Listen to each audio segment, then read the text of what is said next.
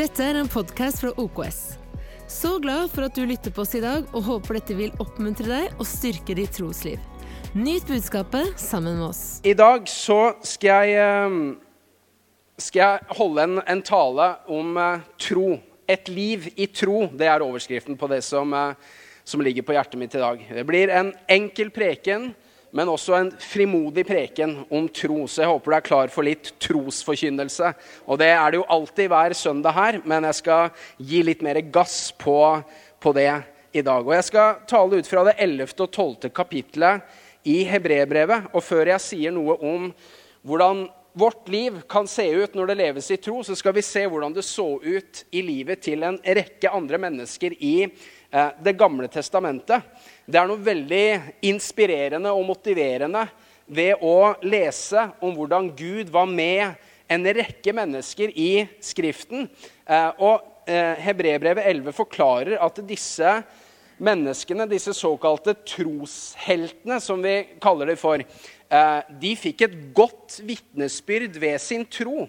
Eh, og det å få et godt vitnesbyrd, det vil si at man, man opplever og erfarer noe godt fra Gud i livet sitt. Og Bibelen forklarer at det skjedde ved deres tro. Det gjør forfatteren av Hebrebrevet et stort poeng ut av her. Så la oss snakke litt om et liv i tro. Og det første som vi skal eh, se litt på, det er at ved tro så fikk de, altså de i Det gamle testamentet, de fikk et godt vitnesbyrd. Det er første punktet her. Og Vi leser teksten Hebrebrevet 11 og vers 1-6. Og så gjør vi et stort hopp i teksten og leser vers 32. Og da står det som følger Tro er full tillit til det en håper på, overbevisning om det en ikke ser. For ved den fikk de eldste godt vitnesbyrd. Ved tro forstår vi at verden ble formet ved Guds ord, at de ting som ses, ikke blir til av de synlige ting. Ved tro bar Abel fram for Gud et mye bedre offer enn Kain. Ved den fikk han det vitnesbyrdet at han var rettferdig, i det Gud selv vitnet om gavene hans. Og ved den taler han ennå, selv om han er død. Ved tro ble Henok tatt bort, så han ikke skulle se døden. Eh, Gud hadde tatt ham bort. For før han ble tatt bort, hadde han fått det vitnesbyrdet at han var til behag for Gud. Uten tro er det umulig å være til behag for ham.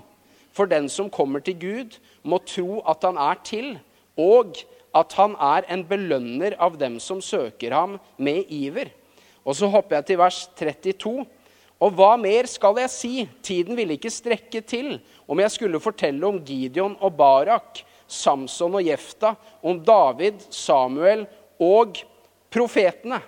Det er et veldig inspirerende kapittel som beskriver mennesker som levde et liv i tro. Og Den teksten jeg leste for deg, starter med å referere til skapelsen i første Mosebok. Da sier den at ved tro forstår vi at verden har blitt skapt ved Guds ord. Og så fortsetter det med en referanse til første Mosebok. Ved tro bar Abel fram et mye bedre offer enn Kain. Og så snakkes det videre om en annen fyr, eh, bare noen kapitler etter Abel, en som heter Henok. Eh, ved tro ble Henok tatt bort, så han ikke skulle se døden.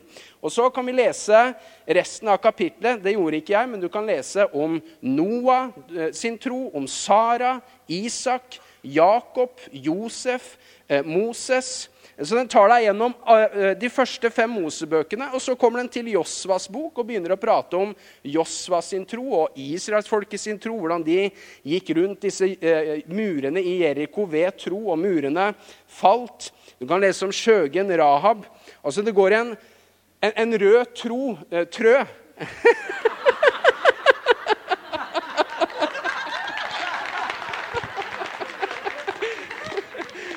Jeg tror jeg leser det som står i notatene. Det går en rød tråd av menneskers tro. Godt av banen. Bokstavkjeks i munnen. Det går en rød tråd av menneskers tro til Gud ifra Bibelens første bok, og som fortsetter kronologisk frem til Josvas bok. Men Istedenfor da å fortsette å ramse opp alle disse navnene, så gjør forfatteren noe veldig interessant noe. Det er derfor jeg leste vers 32. Der står det sånn her Og hva mer skal jeg si? Tiden ville ikke strekke til om jeg skulle fortelle om Gideon og Barak, Samson og Jefta, om David, Samuel og profetene. Det er som forfatteren sier, jeg har ikke tid til å ramse opp alle disse gode vitnesbyrdene som disse menneskene fikk ved sin tro. Og legg spesielt merke til det han sier i den siste setningen. Når han da ramser opp Gideon, Barak, Samson, Jefta og David og Samuel, så sier han 'og profetene'. Og du skjønner, Det gamle testamentet den avsluttes med en skriftsamling på 14 profetbøker. Det begynner med profeten Daniel og avsluttes med profeten Malakias. Så hva, hva er poenget forfatter, til forfatteren når han sier at jeg har, ikke, jeg har ikke tid til å ramse opp alt? Tiden vil ikke strekke til om jeg skulle nevne den og den og den og den, og alle profetene. Kan du se hva han gjør? Han sier at tro det går som jeg sa, det er som en rød tråd som går fra første Mosebok, og som går gjennom alle Bibelens bøker. Og så er poenget til forfatteren at disse de fikk et godt vitnesbyrd ved troen sin. Det er det han begynner innledningsvis å si her. For han sier 'for ved den'. Altså Først sier han tro. Ja, det er full tillit om det man håper på. Overbevisning om det man ikke ser. Og så sier han 'for ved den fikk de eldste godt vitnesbyrd'. Så Det gamle testamentet det er mye, men en av, en av tingene Det gamle testamentet er, det er fortellinger om gode vitnesbyrd som mennesker fikk ved sin tro på Gud. Og, og hvis de fikk et godt vitnesbyrd ved troen sin Det er poenget her. Ved tro, ved tro, ved tro. Hvis de fikk et godt vitnesbyrd, altså hvis de fikk erfare noe godt i livene sine fra Gud ved tro, så gjør det meg veldig nysgjerrig på tro. For jeg har også lyst til å ha et godt vitnesbyrd i mitt liv. Jeg vil også ha erfaringer av Guds godhet i mitt liv. Og sannheten er at disse fortellingene de er også skrevet for å inspirere og motivere min og din tro. Det står i det tolvte kapittelet og vers 1, når den begynner å prate om troen til oss som tror på Jesus, som vi straks skal se på her, så, så begynner den teksten med å si at eh, derfor skal også vi, siden vi er omgitt av en så stor sky av vitner, så skal vi løpe vårt liv med blikket festet på Jesus, troens opphavsmann og fullender. Så i Gamle testamentet det er som en sånn Eh, sky av vitner. Altså Deres liv står der, og de vitner om at den som tror Gud, han får et godt vitnesbyrd i livet sitt. Han får erfare noe godt fra Gud i livet sitt. De står der og er vitner for deg og meg. Det er som om de har fullført sitt løp, og så sitter de på tribunen og så heier de på oss og sier, 'Kom igjen! Gud, han gjorde det i mitt liv. Han kan gjøre det i ditt liv også.' 'Han som gjorde det her i mitt liv, han er der for deg også. Kom igjen! Heia! Heia, heia!' De er vitner. De står der og vitner om at den som fester sin lit til Gud, den som tror Gud, ja, han får et godt vitnesbyrd fra Gud i livet sitt. Og du skjønner, Gud han liker tro. Lik det eller ikke, men Gud liker tro. Gud liker tro. Han er en trosgud. Eh, og vers 6 i innledningen her i den teksten, når det ramses opp alle disse gode vitnesbyrdene som de fikk ved sin tro, så sier også forfatteren det her. Han sier at uten tro er det umulig å være til behag for ham. For den som kommer til Gud, må tro at han er til, og at han er en belønner av dem som søker ham med iver. Så kan du se det. Gud har veldig sansen for tro. Det er noe i Guds hjerte som liker tro. Det ser vi hos Jesus også. Når mennesker trodde Gud, så ble han jeg husker Thomas holdt en preken en gang. En, den ene tingen som imponerer Gud. Kan du huske den prekenen? Hvor han snakka om Jesus som ble imponert over menneskers tro. Hvor han sier og aldri i Israel har jeg sett en så stor tro før. Så sier at Det var noe i Jesus som ble trigga når han opplevde tro blant mennesker. Og hvorfor det? Jo, for det tro det behager Gud. Det er velbehagelig for Gud. Vi skal se på det i det siste punktet mitt i dag. At eh, tro det er til glede og behag for Gud. Og det burde gjøre noe med vårt ønske om å ville tro Gud for ting i, i, livet vårt også. For det er noe som Gud sier Yes, come on! Han elsker det når vi vil forsyne oss og tro, eh, tro Gud for saker og ting i livet vårt. Så eh, disse, disse, eldste i Det gamle testamentet de er vitner. De fikk godt vitnesbyrd ved, ved troen sin. Og det er masse man kan lære av det. Det fins både prinsipper og, og visdom å trekke på fra fortellingene deres, som inspirerer og, og, lærer deg og meg om ting og tang som har med, med tro å gjøre. På en måte en, en annen preken. Eh, det som vi skal se på nå, i punkt to, det er at eh, hvis, hvis, det var bra, hvis de eldste fikk godt vitnesbyrd ved sin tro, så sier forfatteren av hebreerbrevet at Gud har noe som er bedre for deg og meg. Altså Hvis det var heftig, det som de opplevde ved tro, så kan vi også forvente å oppleve heftigere ting ved tro. Det er ikke mine ord, det er Bibelens egne ord. Så la oss se litt på det punkt nummer to her, at Gud har noe bedre for oss. Og da leser vi avslutningen av Hebreerbrevet 11. Og Der står det i vers 39 og 40.: Og alle disse, selv om de fikk godt vitnesbyrd ved troen, fikk ikke se oppfyllelsen av løftet. Og se hva som står. For Gud hadde på forhånd utsett noe bedre for vår skyld, for at de ikke skulle bli fullendt uten oss. Så ved troen fikk de et godt vitnesbyrd. Mens ved vår tro så får vi et bedre vitnesbyrd. Det går fra godt til bedre. Kan du se det? Eh, og vi må jo lese dems fortellinger i, lys, i lyset fra den åpne graven. Vi må lese fortellingene, vitnesbyrdene i Det gamle testamentet i lys av at Jesus har dødd på korset og blitt reist opp fra de døde og satt seg ved Guds høyre hånd. Vi må lese de fortellingene i lys av at vi lever i det Bibelen kaller for en ny pakt. Jo, jo visst er det ting å lære fra deres liv om tro. Det, som jeg sa, det fins prinsipper, det fins ting å trekke på der. Men som jeg peker på her, Gud hadde samtidig spart noe som var bedre for deg og meg. Eh, eh, og hvis du leser hjemmelekse, les gjerne hele Hebrebrevet kapittel 11. Så vil du se at det, når det f.eks. står om disse eh, eh, trosheltene i Det gamle testamentet, så står det at ved tro så fikk de løfter oppfylt. Eh, så det er helt klart, de fikk se Guds løfter bli oppfylt, men, men samtidig så fikk de ikke se løftet bli oppfylt. Så det er en sånn tosidighet. Yes, de fikk se løfter bli oppfylt, men Gud hadde samtidig spart noe som var bedre for deg og meg. Derfor så vil du se at Når det snakkes om Sara og Abraham sin tro, så står det at eh, disse døde i tro, men uten å få det løftene talte om. Det står om i, i vers 13 i, i det 11. kapittelet her. Så ja, de fikk se Guds løfte bli oppfylt. Eh, det er på en måte det gode vitnesbyrdet de hadde. Mens på, andre, på den andre siden så, så, hadde Gud forutsett noe som var bedre. Han hadde spart noe som var bedre for eh, deg og meg. De fikk ikke se oppfyllelsen av løftet, som det står her i vers 39 og 40. Og hva hva er da det derre bedre som Gud hadde forutsett for deg og meg?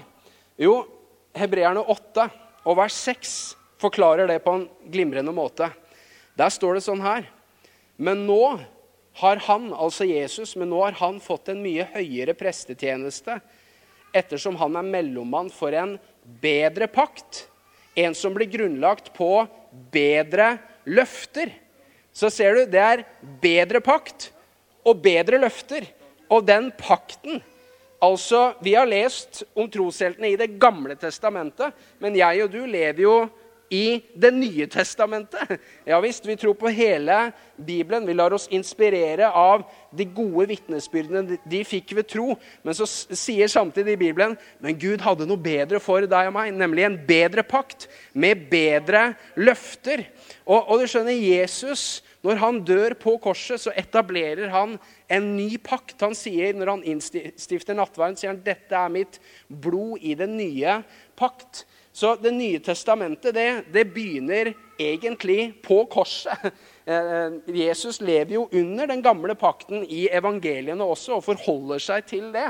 Mens når han dør på korset og står opp ifra de døde, setter seg ved Guds høyre hånd, sender Den hellige ånd til, til, denne jorda, så er det sånn at der inntraff en ny pakt. Og den er bedre enn den gamle pakt, og den er grunnlagt på bedre løfter. Så hvis de som hadde litt mindre bedre løfter og litt mindre bedre pakt. Hvis de fikk et godt vitnesbyrd ved sin tro, ja, da kan jeg og du løfte vår forventning til Gud om at vi ikke bare får et godt, men vi får et bedre vitnesbyrd i vårt liv. Ved, ved at vi får erfare at Guds løfter blir oppfylt i vårt liv. Jeg skal se på det straks her. Løftene de er oppfylt i Jesus, men så vil Gud at de skal også bli oppfylt i våre liv.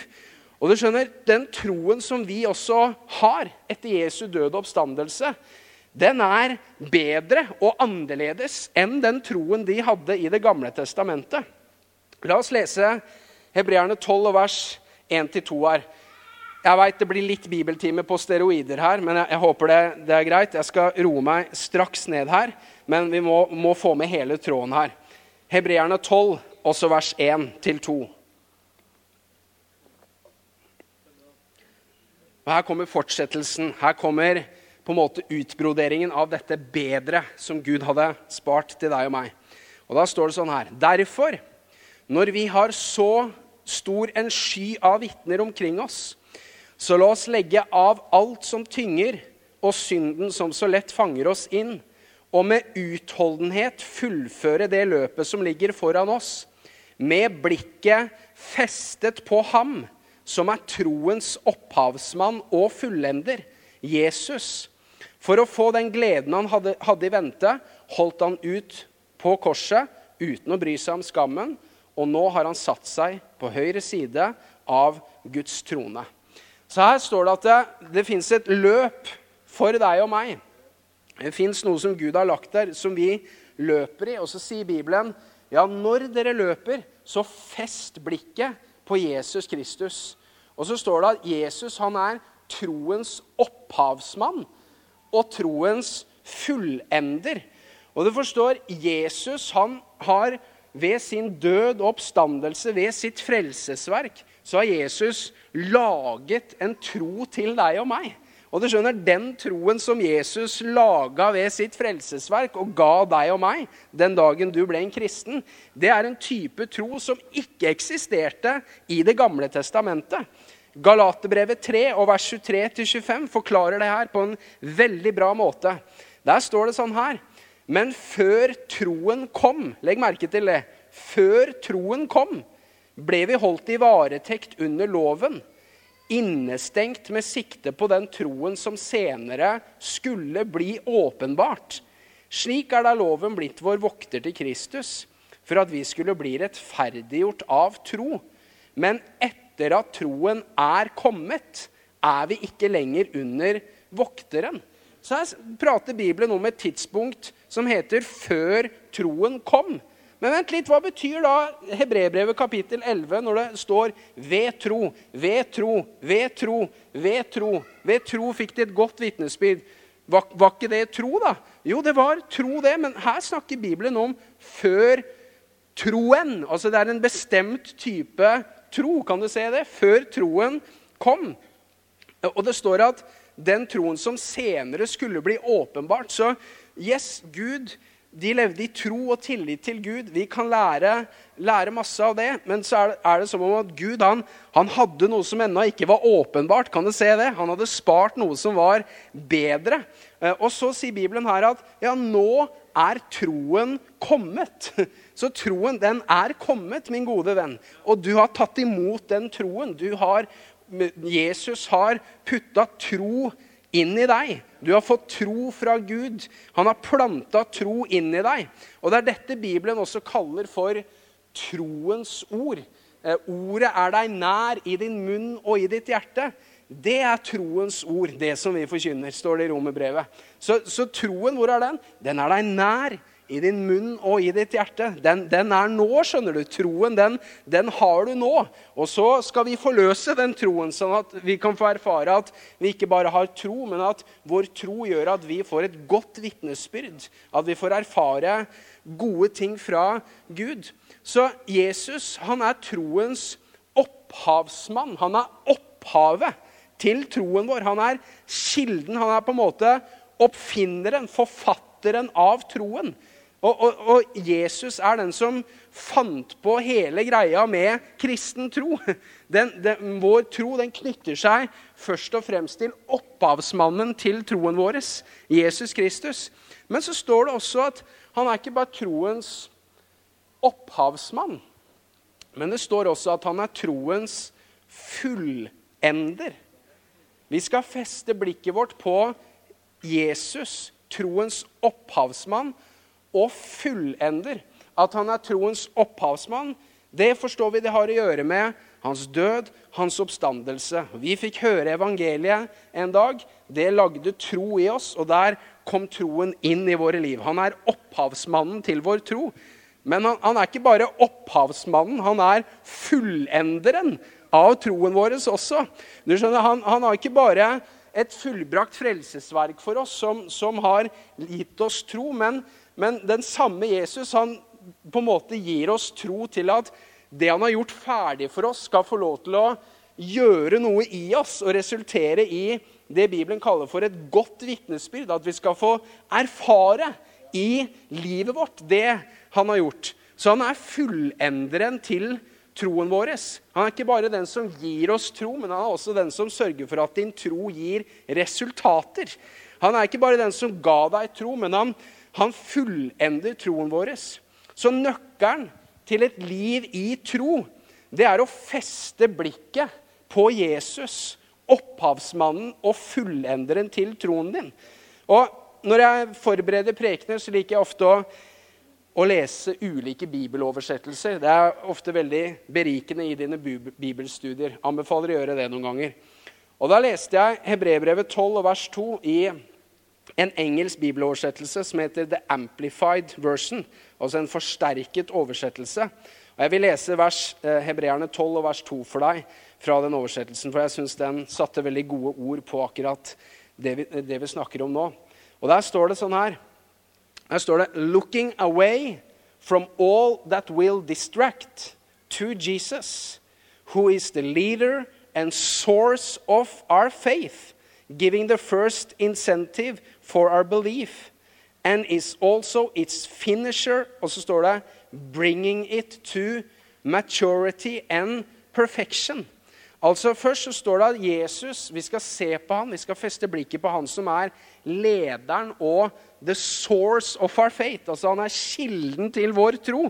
Eh, men så står det også at han ikke bare er kilden til troen vår, men at han også er troens finisher. Altså Han er den som fullfører troen vår.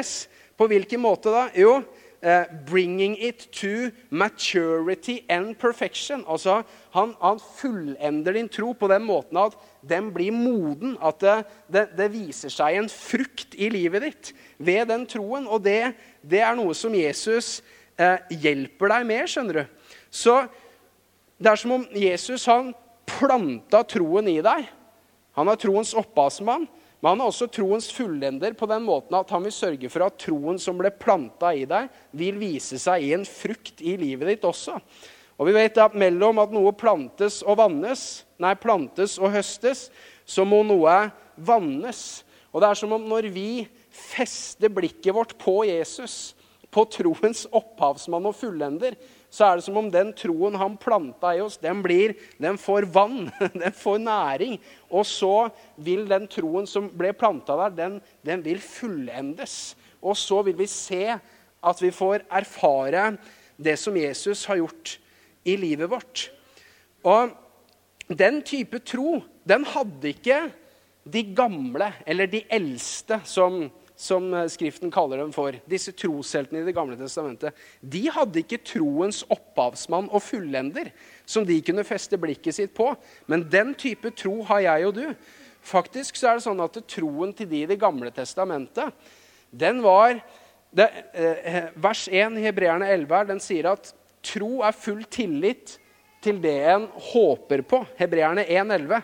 Så Det er starten på fortellingen om trosheltene i Det gamle testamentet. Så deres tro det var en, en tillit til et håp. Er, og du vet at Håpet det, det handler jo om noe som ligger foran oss. Noe som venter på oss der framme. Og en kristen har også håp. Vi har håp om himmelen og, og alt det der. Så det er masse, masse i Det nye testamentet om håp. Men samtidig er det sånn at troen til disse i Det gamle testamentet, den, den handla om, om, en tillit til, til, det som lå foran. Det er som om de løp med blikket festet på håpet, det som skulle skje i fremtiden. Men vi lever med blikket festa på noe som har skjedd i fortiden. skjønner du? Vi lever med blikket festa på det som ligger bak. Det står at vi med utholdenhet skal fullføre løpet som ligger foran oss. Og ja visst, vi er fremtidsretta. Vi har blikket festa fremover. Vi tror Gud har lagt ting ferdige foran oss. Men samtidig så er det sånn at mens vi har en forventning til det Gud skal gjøre nå, så er faktisk blikket det er, det er vendt bakover. Det er som om en kristen løper sitt løp med øynene i nakken. Jeg tror jeg har et bilde av det her på skjermen også.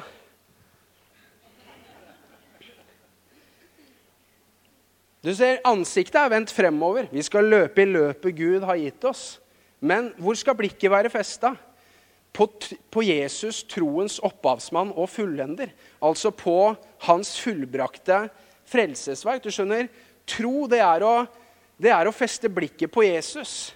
Og når vi ser inn i hans fullbrakte frelsesverk, så ser han vår tro.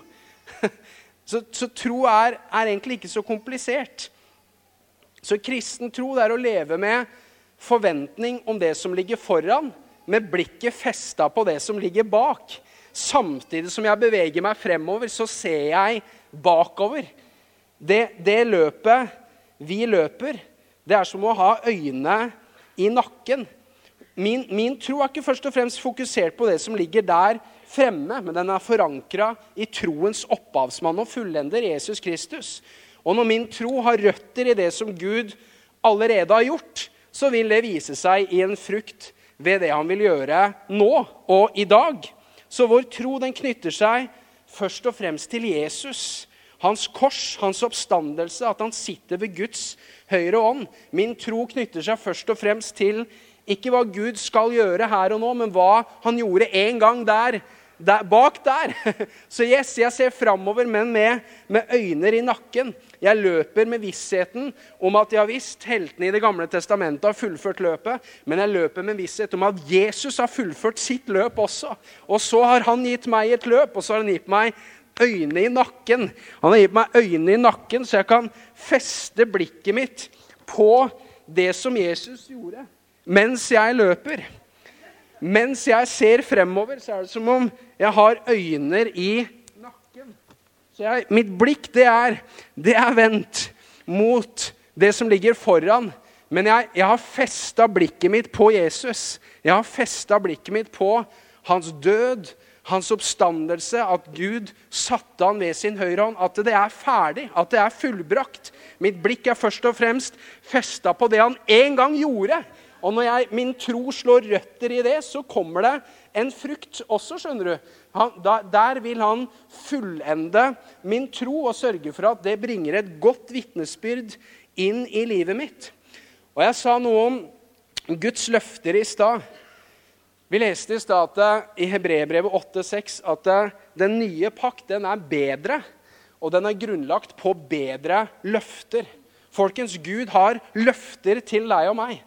Det, det, eh, et annet sted så sier Paulus at gudsfrykten, altså det kristne livet, har løfter for dette livet og det som kommer.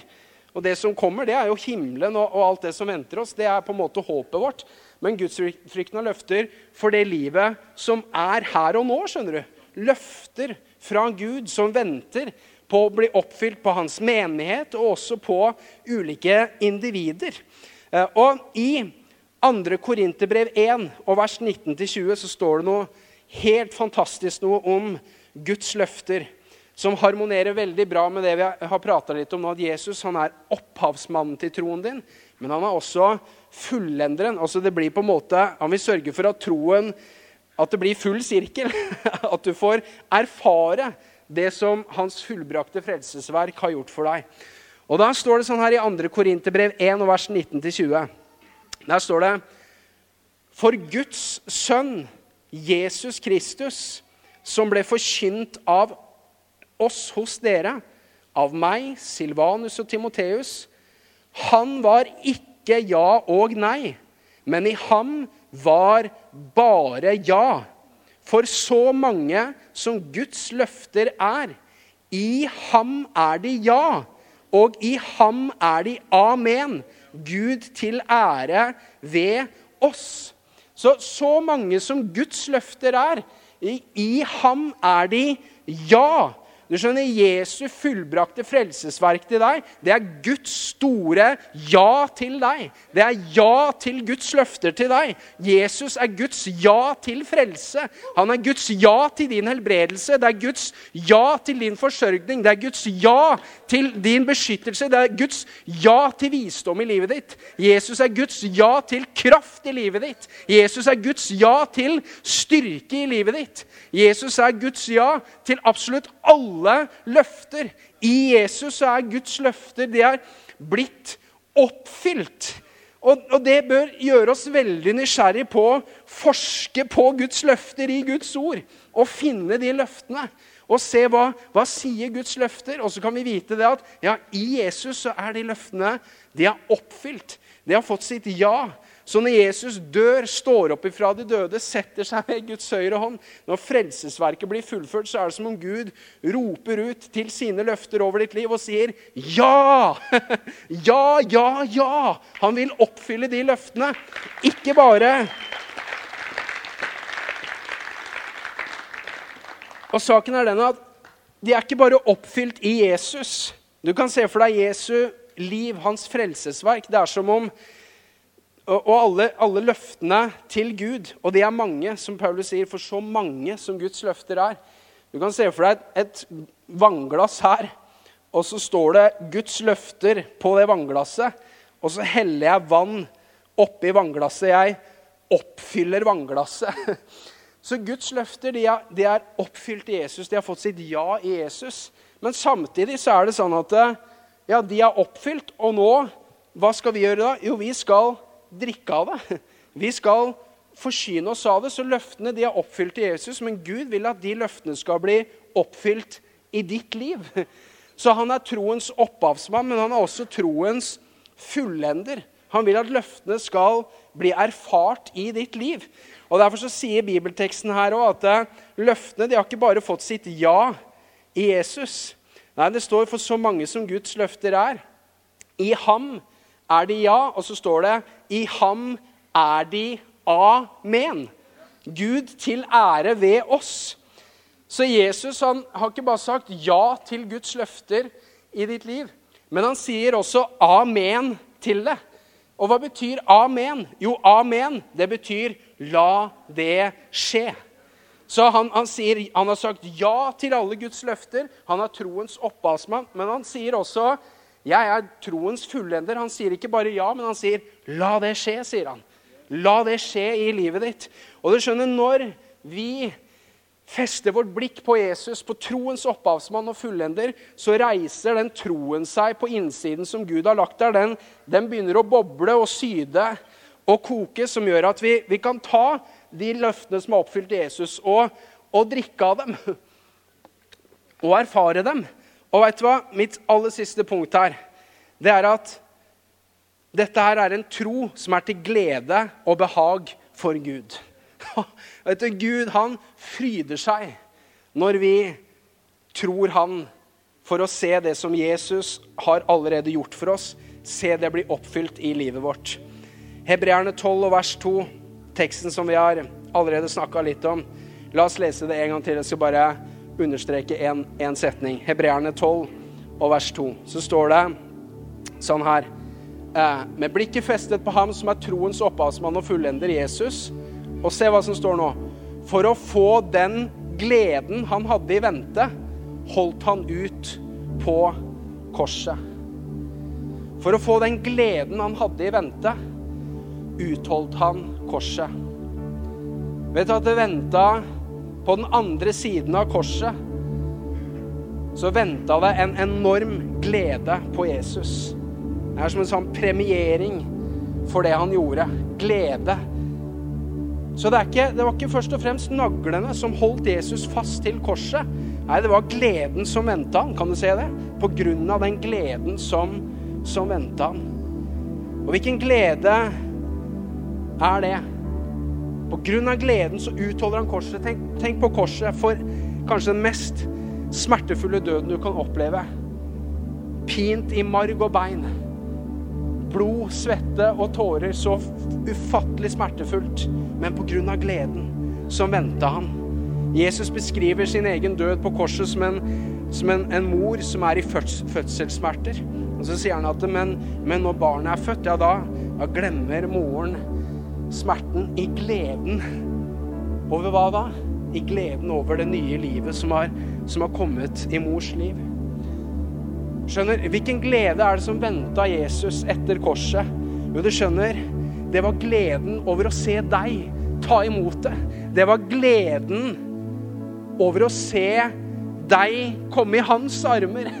Det var gleden over å se du blir tilgitt dine synder. Det var gleden over å se du blir tilgitt dine synder. Gleden over å se at du blei helbreda.